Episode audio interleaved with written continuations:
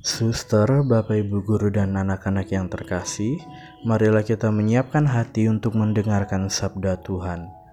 Dalam nama Bapa dan Putra dan Roh Kudus. Amin. Tuhan, pujian dan syukur untuk kemurahan dan kebaikan-Mu, untuk nafas kehidupan di pagi hari ini. Kini kami menyerahkan seluruh rencana, kegiatan, dan impian kami ke dalam kuat kuasa roh kudus-Mu, Berkatilah semuanya agar boleh menjadi persembahan pujian padamu dan berguna bagi sebanyak mungkin orang. Demi Kristus Tuhan dan pengantara kami. Amin. Inilah Injil Yesus Kristus menurut Lukas. Dimuliakanlah Tuhan. Sekali peristiwa, orang-orang Farisi bertanya kepada Yesus, "Kapan kerajaan Allah datang?" Yesus menjawab, kerajaan Allah datang tanpa tanda-tanda lahiriah. Tidak dapat dikatakan, "Lihat, ia ada di sini," atau "Ia ada di sana." Sebab sesungguhnya kerajaan Allah sudah ada di tengah-tengahmu. Yesus berkata kepada para murid, "Akan datang waktunya kalian ingin melihat salah satu hari Anak Manusia itu, tetapi kalian tidak akan melihatnya. Orang akan berkata kepadamu, "Lihat, dia ada di sana. Lihat, dia ada di sini." Tetapi jangan kalian pergi ke situ. Jangan kalian ikut. Sebab seperti kilat memancar dari ujung langit yang satu ke ujung langit yang lain, demikian pula halnya dengan anak manusia pada hari kedatangannya kelak tetapi ia harus menanggung banyak penderitaan dahulu dan ditolak oleh angkatan ini. Demikianlah Injil Tuhan.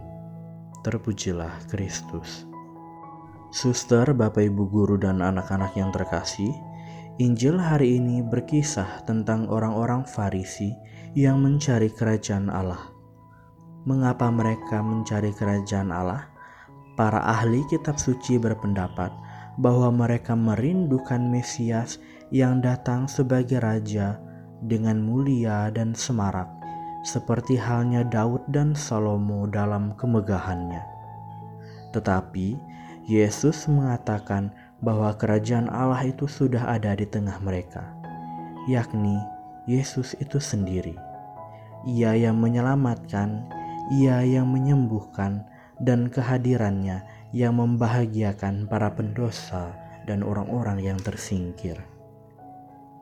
Gereja percaya bahwa akan ada hidup setelah kematian, maka kita semua diminta untuk menantikan saat membahagiakan itu dengan penuh iman dan karya.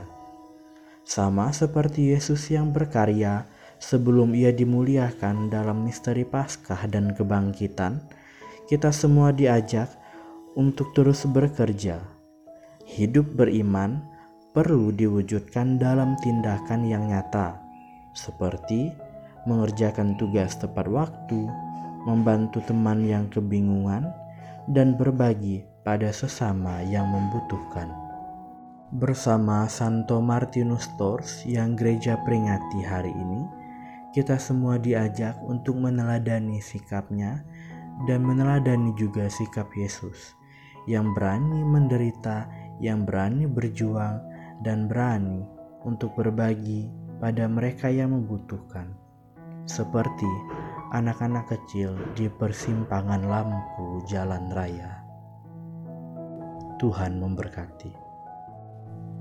Bapa, kami bersyukur untuk rahmat yang telah kau berikan pada kami dalam hidup kami, dan kami mohon kekuatan dan keberanian agar kami mampu berbagi pada siapa pun yang kami jumpai hari ini.